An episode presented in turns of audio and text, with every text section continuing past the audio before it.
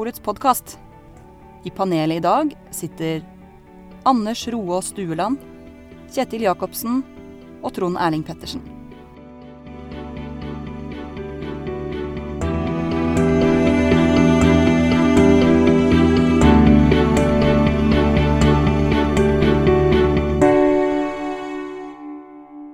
Hjertelig velkommen til Vinmonopolets podkast.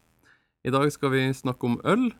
Og eh, jeg har sett at i hylla på polet og i forskjellige artikler og sånn, så står det om noe som heter overgjæra og undergjæra øl. Hva betyr det, Anders? Jo, um, det betyr Altså, jeg kan Hva er forskjellen på overgjæra og undergjæra øl? Eller kanskje vi skal begynne med noen eksempler, da? Ja, det var lurt. Ja, noen Det eksempler var- på det var et lurt. undergjæra øl? Eh, Et undergjæra øl som veldig mange har, eh, har prøvd, det er jo pils, f.eks. Ja, det har jeg hørt om. ja, også eh, tradisjonelle juleøl i Norge er jo Unniera. Ja. Bukkøl, f.eks. Ja. Ja. Mm. Hva med IP, ja, hva med IPA, eksempel, som er populært om dagen, eller uh, Pale Ale og sånne ting? Ja, der, der sa du altså det, der sa du pale ale, og, og Ja. IPA er jo India pale ale. Ja. Og når det heter ale, så er det det samme som overgjæra. Ok, så ale betyr overgjerda øl, Ja, på en måte? enkelt sagt så gjør det egentlig det Enn noen andre kjente øltyper som er overgjerda? Ja, som ikke heter ale. Ja. Eh, stout, for eksempel. ja. Og porter. Og så har det øh, mange sånne belgiske sånn eh, blond og brun og, Ja. og sånt. Sånn trappistøl og sånne Ja. ting? Mm. Og så har du Så har vi disse- hvetølene. Ja. Ja. Og belgisk hvitt, som også er et hvetøl. Ja, hvetøl og sånne ting er også overgjæra. Mm. Ja. Eh, hvorfor heter det overgjæra og undergjæra øl? da? Hvor kommer over og under fra?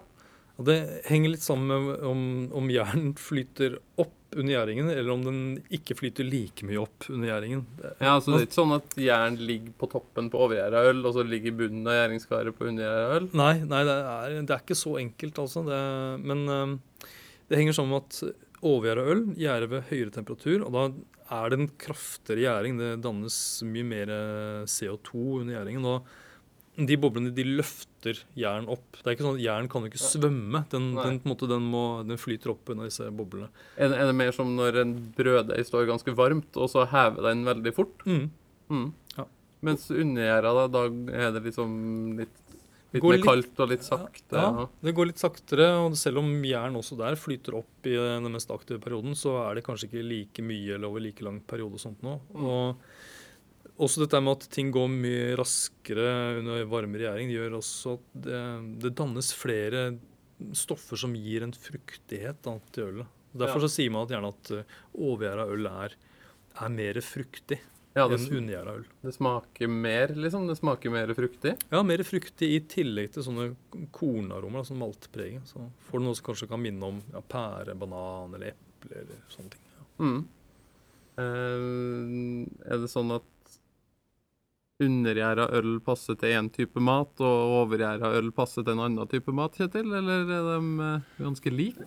Ja, så det, det er mange, mange si, øl innenfor hver kategori som har si, fellesnevnere med hverandre. Sånn at det er vanskelig å si noe sånn helt generelt Ja, for om det. det, blir jo stor Eh, forskjell på et lyst hvetøl og en mørk ja. porter innenfor den her kategorien. Det er akkurat, Du har både mørke og lyse undergjæra øl, og du har mørke og lyse overgjerda øl. Og Der er det ofte en del fellesnevnere mellom de ulike kategoriene. sånn at uh, å si at lagerøl er, eller altså undergjerda øl er en, eh, passer best til en bestemt type mat, det, det er vanskelig.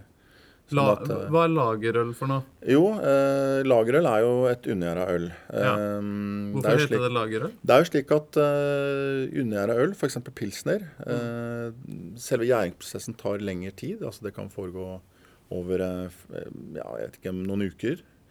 Eh, når da hovedprosessen, i gjæringsprosessen er over, så blir da eh, dette ølet eh, tatt av jern. Men det er gjerne litt gjærrester igjen i ølet. Det blir Eh, som, som på følger lager, med liksom. holdt på, si, på lagringstanken. Ja. Og da fortsetter den prosessen eh, sånn eh, veldig, veldig forsiktig, da. Sånn at eh, Altså, ølet lagres eh, eh, Mm. Det tar tid før på en måte ølet er helt ferdig. Ja, Hva er det som skjer med smaken og med ølet under denne lagringa, Anders?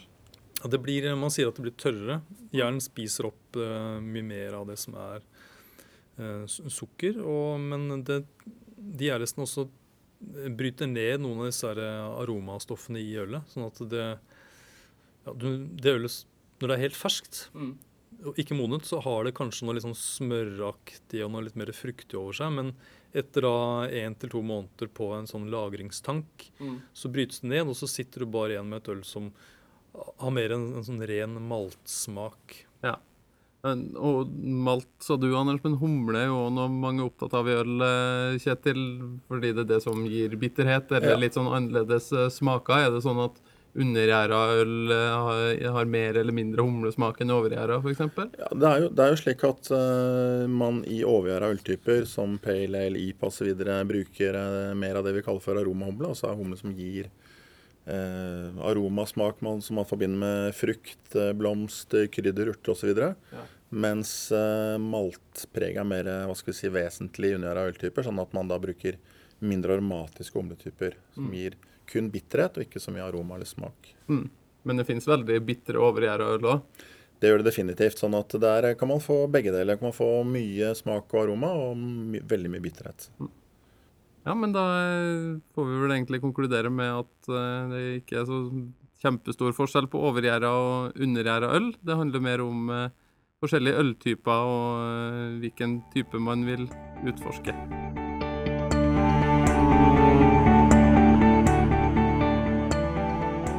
Vinmonopolets podkast. Har du spørsmål til oss? Send e-post til varefaglig krøllalfa vinmonopolet.no.